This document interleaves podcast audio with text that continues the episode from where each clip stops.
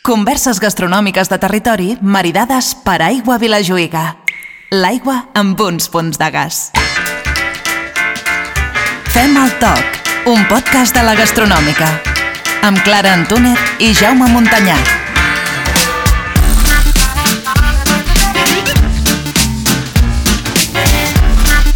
Hola, Clara. Hola, Jaume. Sabies que des de Ripoll a Siurana d'Empordà hi ha 16 hores i 40 minuts caminant? Això no és ni un dia sencer. I ara em diràs que vols que anem a fer la travessa a peu. Bé, que ho feien els nostres avantpassats. Va, doncs, vés passant. Fem el toc o què? Fem el toc.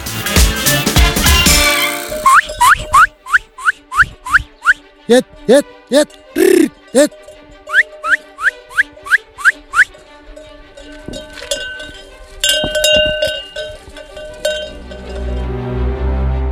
Bon dia, Jep. Bon dia, què tal, com va això? On vas ara tan ben acompanyat? Me'n vaig cap a pasturar i que puguin menjar abans de que plogui.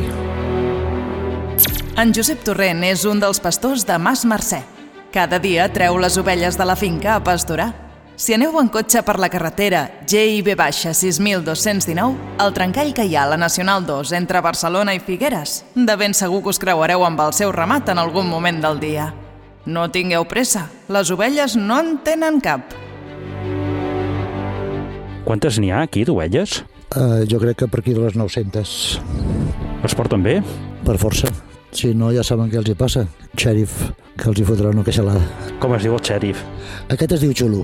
En tinc dos més i, uh, i em faig anar un dia cada un. És molt complicada i la teva feina o què?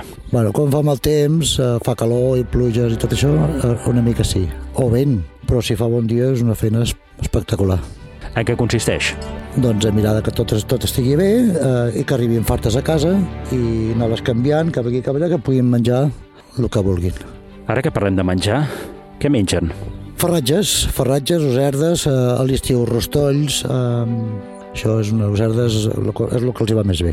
M'encanta perquè aquest llenguatge vosaltres el teniu molt per mà, però jo no entenc res. Em pots tornar a repetir què mengen? Ferratges vol dir, ferratges vol dir eh, cibades, grassos, peces i tot això. I les userdes, eh, doncs, eh, quan la gent no els poden segar, llavors nosaltres aprofitem els redalls. Llavors els donem a les ovelles, que és un menjar esplèndid per elles. Escolta'm, eh, tenen nom o quan hi han tantes ja... Algunes sí, però molt poques. Perfecte, moltes gràcies, eh? Que vagi molt bé. Adeu.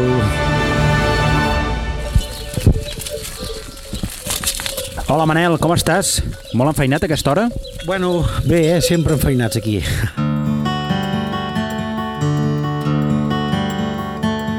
A Mas Mercè són sis generacions dedicades a fer de pastors. En Manel Mercè, actual propietari, és pastor formatger i des del 2006 porta el timó de la granja, una explotació agrícola situada a Siurana d'Empordà. Ploure perquè no ha de ploure o perquè és el cap de setmana i hem de gastar tota la llet per deixar el cap de setmana se- els tancs doncs, eh, buits de llets, però sí, sí, enfeinat sempre. Sí, sí, ja veig que no pareu aquí, ara ho he vist, eh? En dos minuts que he estat aquí ja, ja he vist la feinada que teniu. Com és el teu dia a dia aquí a Mas Mercè? Bueno, el nostre dia a dia no n'hi ha cap d'igual. Per exemple, ara avui està a punt de ploure, no, bueno, ja ho has vist, el ramat ha hagut de sortir una mica abans d'hora perquè bueno, necessitem pasturar 6-7 hores al dia i si ens plou d'aquí dues hores no tindrem temps. O sigui que ara avui hem sortit abans per intentar doncs, que les ovelles estiguin tipes abans no plogui. Els, els horaris seran una mica canviats.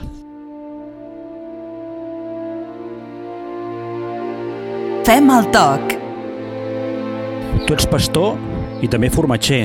De qui has après l'ofici? Bé, jo sóc la sisena generació de pastors i això eh, s'a- s'aprèn dels avantpassats de l'avi, del meu pare, s'aprèn d'això. També aprenem ara, com que te- tenim pastors externs, com ara en Gep, de, també aprenem de la gent que, ve, que ens, ens ve a ajudar, eh, a, que treballa amb nosaltres. Cada pastor té coses per ensenyar. Mai, mai s'aprèn prou. Vull dir que és, és una cosa que el meu pare sempre ho diu, a- amb 80 anys i encara aprèn coses. Vens d'una família de tres humans. Qui dels teus avantpassats decideix no tornar cap a la vall de Camprodon en acabar l'hivern i s'estableix a Siurana de manera definitiva? Bé, això era el besavi, o sigui, eh, el meu besavi, doncs, bueno, antigament sempre es havia fet transhumància i ells, de fet, no ho decideixen, és una cosa que els, els, quan es poden establir en un lloc fixe, fi- fixa provisional, perquè estaven en un mas un, un any, en un altre mas un altre any, i van tirar així una altra generació, fins que l'any 40 o l'any 39 van poder comprar el mas. O sigui, van estar el besavi fent transhumància, van, deixant de fer la transhumància, i el meu avi ja es van establir ja directament aquí quan van poder comprar aquest mas. Havies arribat a fer alguna vegada a peu el camí que connecta la vall de Camprodon amb Siurana o a l'inrevés? No, ni jo ni el meu pare, ni el meu avi, eh, eh, el meu avi no l'havia fet mai a la transhumància, o sigui, era, era el besavi. Nosaltres, eh, parlant amb l'avi, deia que ell ja no l'havia fet. Manel, com era la vida d'altres humans? Però el que diuen era bastant dur, eh, perquè, és clar, es feia per necessitat, no es feia per capritxo. Eh, quan feia fred a l'alta muntanya hi havia un metro de neu, no hi havia menjar. I Sí, suposo que, que la imatge que tenim nosaltres idíl·lica, no?, d'aquests de, no? esports d'aventura i d'aquestes travesses i tal, no té res a veure amb el que era aquella època, no?, que suposo que era, eren calamitats. Sí, home, si la féssim ara, doncs seria una festa, o encara se'n pot fer una festa, i ja m'agradaria a mi, però jo no l'he feta mai, però, clar, abans es feia per necessitat, tardaven més d'una setmana en pujar i més d'una setmana en baixar.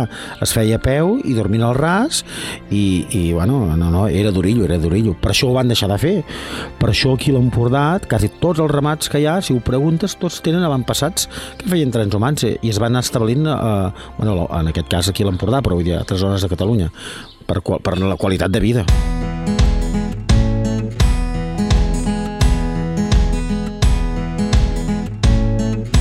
Ripoll se situa gairebé a 700 metres per damunt del nivell del mar, mentre que Siurana d'Empordà sobresurt només 33 metres. Des d'un punt a un altre hi ha 79 quilòmetres de distància. 16 hores i 40 minuts caminant sense parar. En quin moment decideixes agafar el relleu del negoci familiar i fer-te càrrec de l'explotació? Bueno, nosaltres ara fa 15 anys vam decidir fer un, un cot de timó, no? Nosaltres sempre havíem tingut eh, ovelles de carn i ara fa 15 anys que vam decidir doncs, recuperar el recull de l'Empordà eh, amb l'herbacol, tal com es feia antigament, i, va- i vam fer un cot de timó. O sigui, vam, vam decidir començar a unyir les ovelles de forma habitual i fer, començar a fer el recuit. Eh? I per això vam muntar la formatgeria. Sí que és veritat que només volíem fer el recuit i ara avui dia estem fent moltes coses, eh? però recuperar el recuit, aquell genuí que es feia a l'Empordà, que es feia de bé per misèria, era un producte de su- subsistència. Quan es venien els xais, s'aprofitava la llet de les ovelles i es feien recuits i era una, una moneda de canvi. O sigui, el recuit es feia servir per pagar en els pagesos que els hi anàvem a pasturar els camps, els hi pagàvem amb recuits. Quan venia la festa major se'ls hi pagava un xai i una, i una plata de recuit. Era un producte molt habitual a Empordà, el, el recuit d'ovella. A la gastronòmica, fem el toc. No sé si és només una sensació, però tinc la idea que anys enrere els ramats d'ovelles, cabres i vaques estaven més enfocats a la producció de carn i que és des de fa relativament pocs anys que els ramaders també n'aprofiteu la llet i n'hi doneu diferents usos. És el teu cas? Sí, exacte. Nosaltres eh, fa 14-15 anys que hem començat a, a treballar el ramat per poder fer llet eh, i antigament el, el, el tema làctic era un subproducte que es feia, eh, es, feia recuit, però era una manera, un producte que era per fer per intercanviar amb els pagesos, amb les herbes, o sigui, tu pagaves les pastures dels pagesos amb recuit i era un producte de subsistència, era un complement que solia fer la dona de, del pastor per vendre-ho i fer un extra per, per pujar la mainada, i, o sigui, era, era un producte de misèria antigament i ara hem fet un producte doncs, perquè arribi tothom i, fer, i el fem ara habitualment. I de quina raça són les teves ovelles? Bé, nosaltres, eh, les ovelles que has vist aquí són d'o- d'ovella ripollesa i també tenim un altre ramat, que després en parlarem, però sempre hem començat i sempre hem tingut ovelles ripolleses nosaltres. I quina diferència hi ha entre les ovelles ripolleses i les altres? Bueno, l'ovella ripollesa eh, produeix molt poc, per això ara avui mateix no hi ha ningú més que produeixi llet d'ovella ripollesa i, clar, la qualitat és molt més alta que les altres, no? Més grassa, més proteïna, més de tot.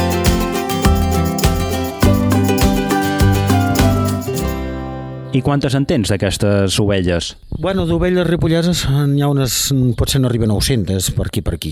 I tinc entès que hi ha pocs ramats, eh, que ho fa. De ramats de carn n'hi ha molts, eh? És, eh bueno, està considerat en perill d'extinció, n'hi ha pocs, però no els suficients perquè no estiguin en perill d'extinció. Passa, eh, en tema de llet sí que és bastant complicat perquè el produir tan poc és molt difícil que una explotació sigui viable, no, que, que, una explotació que només es dediqui a la, a la, a produir la, la, la llet. Perquè quan dius que produeix poc, de, de què estem parlant? Tens números? Sí, una ovella ripollesa pot fer com a molt 80 litres l'any. Uh, això és mig litre al dia i et pot fer llet de, de dos a sis mesos com a molt. Uh, és una ovella que a més a més fa llet poc temps. I si la comparem amb les altres, les altres quan en fan de llet? Si aquesta la ripollesa en fa 80 com a molt, tenim la, la, la lacona que en pot fer uns 300 l'any, després hi ha la SAF que en pot fer uns 600 l'any o més, que aquesta la SAF és, és l'ovella que s'ha ficat de moda perquè és molt productiva i és una ovella que van crear els israelites en el laboratori, que la, la van crear després de la Segona Guerra Mundial, creuant una raça israelita i una, i una raça alemanya. Bueno, és una ovella que produeix molta llet, però nosaltres el que busquem és qualitat. Per això doncs, anem a, a l'ovella ripollesa produeix molt poca llet, però és la que fa, m'atreviria a dir,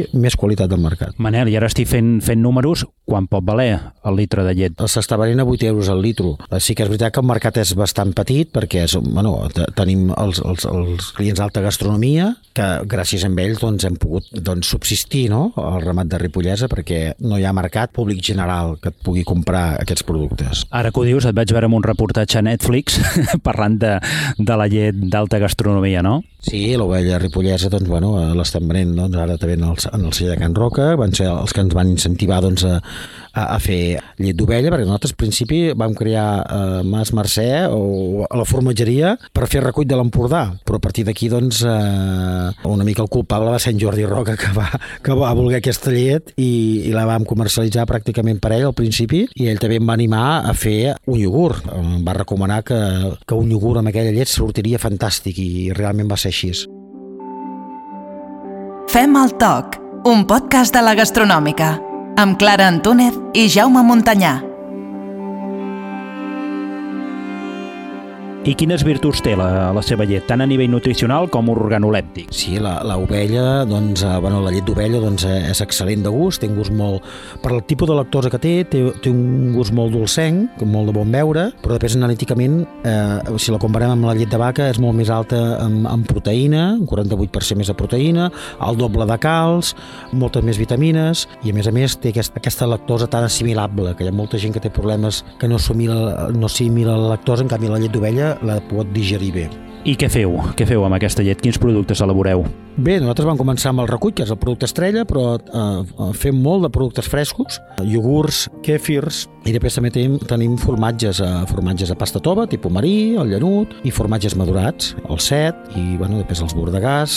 I ara que parlem tant d'alimentació i t'haig de reconèixer que la gastronòmica és, és d'aquestes preguntes que ens encanta fer. L'altre dia estàvem a la Fundació Mona que estàvem entrevistant a la, a la cuidadora i, i li vam preguntar què menjaven els, els macacos i els ximpanzés. Aquí eh, ens encantaria saber què mengen aquestes ovelles, si són més de cuina d'aquí, de cuina mediterrània, o són més de cuina fusió, perquè sabem que aquí tot és ecològic, i la pregunta seria què mengen les ovelles de Mas Mercè? Molt bé, mira, com els ha dit el pastor abans, eh, ferratges i cereals. I, i si entrem una mica en detall, doncs tenim un ferratge que és el, el producte estrella, que és l'user de l'Empordà, que és una varietat autòctona d'aquí, que, que bueno, està molt integrada al territori i, és, i bàsicament és el producte principal, el principal ferratge que, que mengen. Eh? També tenim la cibada rossa del país, que la cibada rossa del país nosaltres la fem servir per... Eh, bueno, té tres utilitats. La pastorem, o si no, també la seguem i fem bales per l'hivern, o si no, també la cosetxem i en fem bales.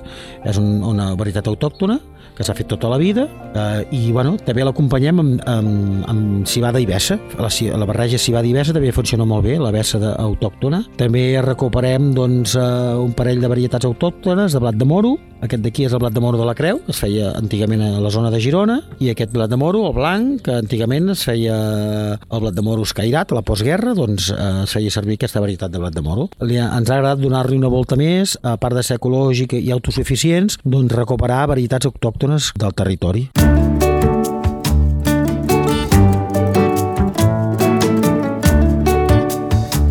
Sí, sí, el que mengen les ovelles influeix en el valor nutricional del producte i també en el seu gust final.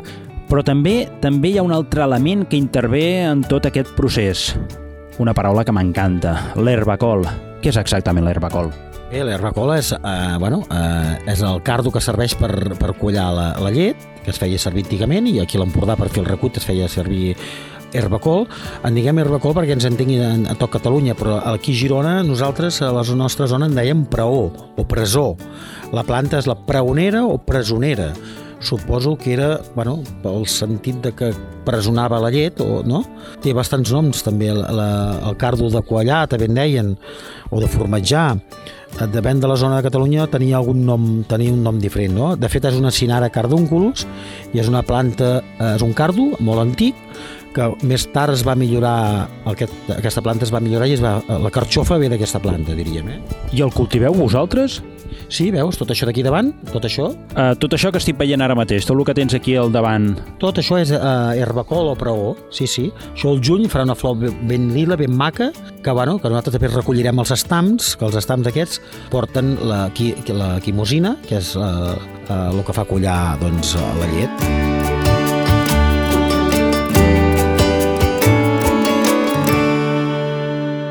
Fem el toc?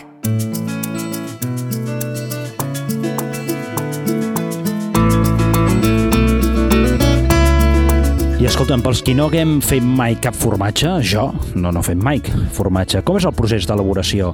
Des de que s'obtén la, la llet de la munyida fins que el producte arriba a casa nostra? Breument, perquè ja sé que això suposo que és molt complicat. Exacte, perquè cada producte té un procés diferent. Penseu que nosaltres el, el recuit amb el formatge no té res a veure, no? Nosaltres el producte estrella, que és el formatge, doncs, bueno, s'escalfa la llet, es pasteuritza, eh? i després es refreda, i després aquí es fica un extracte de, de la planta de l'herbacol, del peró, i, i es deixa quallar. Eh? Aquest és, un, és el, el procediment de fer, de, de fer el, el recuit, però després el formatge ja es fa això mateix, però el formatge ja eh, s'han de deixar quallar, es talla la quallada, es deixa escórrer, etc etc. Eh? Després aquí ja és, ja és més complexa. I escolta'm, de tots els productes que, que ens has ensenyat, que n'hi ha molts, n'hi ha un que ens crida especialment l'atenció, diria que ens té enamorats, que a sobre l'hem tastat, l'hem comprat molts cops, que és el formatge marí.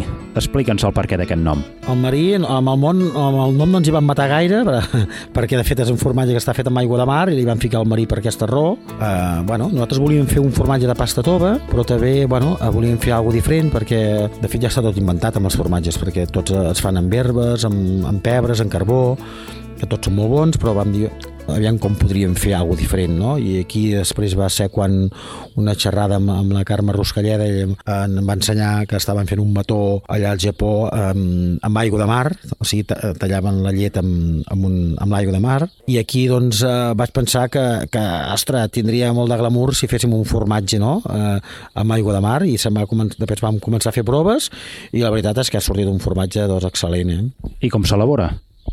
Bueno, senzillament hi fiquem l'aigua de mar, la deixem escórrer... Uh... M'agrada molt quan dius senzillament. Sí, perquè de fet les coses són molt senzilles. Quan trobs la, la manera de fer-ho és com un rostit. És molt... Un cuiner dirà que és molt senzill fent rostit, no? S'ha de coure les hores que toca. Sí, sí, perquè em sembla que m'ha arribat, eh? M'ha arribat de que, de que fins i tot us l'estan copiant a França.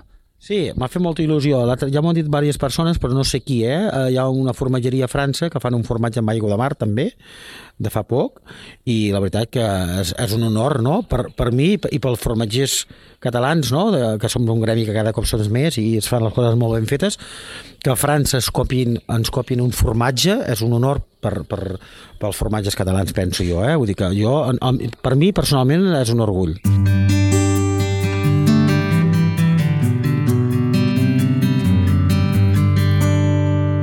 I per què diries que és tan especial el marí? Bueno, perquè és un, un formatge que porti aigua de mar, doncs també és bastant innovador perquè no, no s'havia fet i la veritat és que el sabor també ho és innovador. Té aquest gust salat i diferent i a més a més fusiona molt bé doncs, el mar i muntanya, no?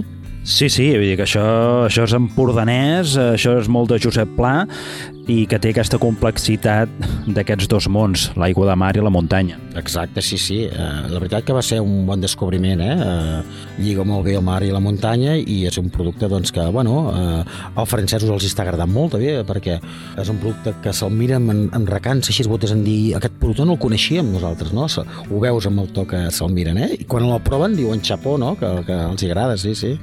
Escolta, mi cada cop tinc més curiositat. D'on traieu l'aigua de mar? I si em pots dir que us la porta i, i fins i tot on, on, on l'aneu a buscar ja seria, bueno, si es pot dir, eh? no té cap secret. Aquí tenim el Cap de Creus, que és un parc natural fantàstic, doncs nosaltres aquí és, eh, és aigua del Cap de Creus, que me la porta el meu sogre, que eh, fa submarinisme, doncs sempre me l'ha portat ell, i és una aigua excel·lent, doncs en, en zones remotes que no hi arriba ningú, i bueno, tenim una matèria prima fantàstica aquí.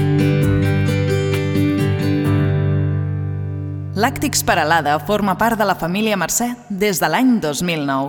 Mas Mercè decideix adquirir aquesta marca que, fins al moment, només elaborava producte de vaca i introdueix una nova raça d'ovelles per a fabricar làctics. Bé, nosaltres només, est... ah, bueno, quan fèiem Mas Mercè veiem que el producte era molt, molt elitista, que tenia un preu que no tothom el podia eh, comprar i després vam dir, vam pensar que seria molt bona idea doncs, eh, que amb Lactis Parlada féssim filosofia Mas Mercè, vol dir que les ovelles tinguessin la mateixa alimentació, que les cuidéssim igual de bé, però canviant la raça aquí amb la raça Lacona, que és una raça que produeix, ja que, com hem dit abans, 300 litres de llet, i aquí ja podem fer un producte doncs, més assequible, que tothom pugui comprar producte ecològic i d'ovella. Democratitzar el tema ecològic, no? que tothom pugui adquirir-ho, això. Eh? I a Làctics Peralada suposo que feu tota la gamma, no? Des de formatge, recuits, eh, passant per iogurts... Sí, sí, fem la mateixa gamma que Mas Mercè, per exemple, fem el, el recuit d'ovella, el iogurt d'ovella, per aquí ja fem kèfirs, que Mas Mercè no en fem, els kèfirs els fem de parlada. Làctics Parlada ara es diu Parlada Mas Mercè, no? Hem volgut doncs, que també la gent la relacioni amb Mas Mercè i a partir d'aquí, doncs, eh, sí, fem formatges doncs, madurats, el bordegàs, fem uns formatges amb herbes també aquí. El fresc està molt bé, però després també hem de tenir un formatge madurat per ficar-hi l'excedent de llet, no? que hi ha pecos de l'any doncs, que hi ha excedent de llet, doncs es fan els formatges de llarga maduració. I tinc entès que feu intercanvi d'ovelles amb alguns cellers, que gràcies a la indústria del vi les ovelles tenen una tasca extra. Com ha anat això? Nosaltres hem volgut fer, eh, com que l'ovella ripollesa doncs, amb, amb llet doncs, eh, pràcticament estem fent selecció genètica i si mai tinguéssim un, un problema sanitari ens quedaríem sense aquest treball de, que hem fet de selecció, perquè quan hi ha problemes sanitaris a Europa es carreguen tots els ramats, no? Si passeix això amb la ripollesa, doncs, bueno, eh, el que hem fet és tenir punts de reserva genètica, que en aquest cas n'hi ha un aquí a Fita, amb Martí Feixó, vam començar, el primer de tot va ser el celler de la botina, del celler de la Gotina aquí a Sant Climent, a Vilartuí. Amb ells van, van ficar el primer ramat, microramat, eh, diríem, doncs poques ovelles, una reserva genètica. Després eh, també a les cols, a, a l'hort de la Fina, Puig de Vall, doncs a les cols també tinc un, tenim un punt de reserva allà i ara aquí al Paní, un celler nou que ha començat. Ara mateix tenim quatre punts de reserva genètica. Fem el toc. Tastem amb l'oïda productes de territori. Escolta'm, ha un projecte eh, espectacular, Ramats de Foc. Explica'm què és això. Ramats de foc és molt bona idea, perquè bueno, s'està fent una cosa que es feia antigament, que és prevenir incendis amb els ramats. Eh, nosaltres ho havíem començat a fer a petita escala, que en dèiem apaguem foc a l'hivern, però quan va sortir Ramats de foc va ser, bueno, no ens ho vam pensar dues vegades, estar amb ells, perquè és a nivell global de Catalunya, doncs que eh, es busquen zones vulnerables i que hi pasturin ramats, tant és de cabres com de vaques com d'ovelles, i el, el que es tracta és de treure massa forestal durant l'hivern perquè el foc, quan arribi l'estiu, no tingui menjar. I això és idea nostra, Ramats de Foc? Això sembla molt català. Bueno, Ramats de Foc és la Fundació Pau Costa, que ho va, ho va, ho va engegar, ha anat bé perquè ells ens han, ens han ajuntat a tots i, i, i n'hem fet una marca doncs que, bueno, que pot ser molt català, doncs, però és una, és una cosa que té molt de sentit comú. No sé, suposo que a nivell mundial també es deuen fer servir els ramats per, per, per apagar incendis, no? Aquí antigament en els pobles hi havia molts ramats, microramats. Aquí a Siurana mateix n'hi havia 4 o 5 fa 50 anys enrere. I tothom netejava la seva zona. I era la zona... Eh, bueno, clar, és la manera més intel·ligent de, de, de prevenir incendis. Doncs això s'ha de recuperar. Doncs està molt bé que amb ramats de foc doncs la gent sàpiga què és i la gent pugui donar valor al producte, que quan mengi un producte sàpiga que si és de ramats de foc doncs ajuda a menjant aquell producte doncs, a, a, evitar, a, a prevenir incendis. Escolta, m'ha estat, ha estat un ple. Gràcies per ensenyar-nos casa teva i esperem veure'ns molt aviat. Ah, gràcies a vosaltres i salut i formatges.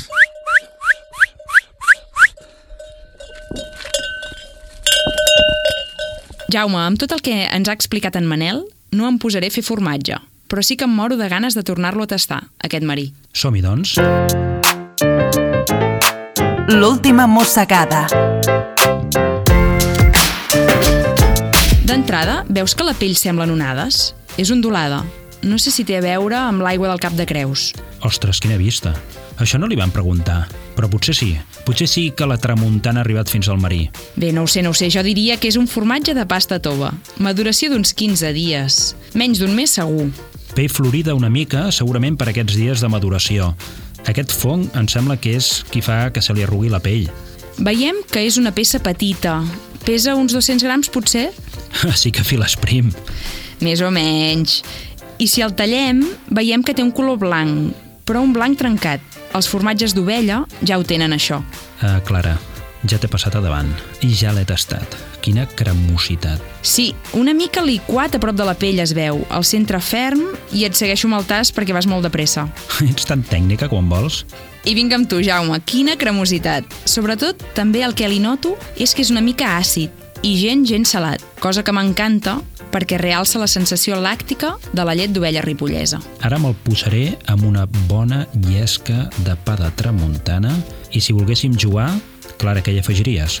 Home, doncs, amb una bona mel del cap de creus, per exemple, o una bona melmelada, serà encara més llaminer. Mm, fantàstic. Ho vaig a buscar. Tasteu-lo a casa vostra també. I així ens acomiadem fins al proper podcast. Seguiu-nos a Spotify amb l'usuari Fem el toc la gastronòmica.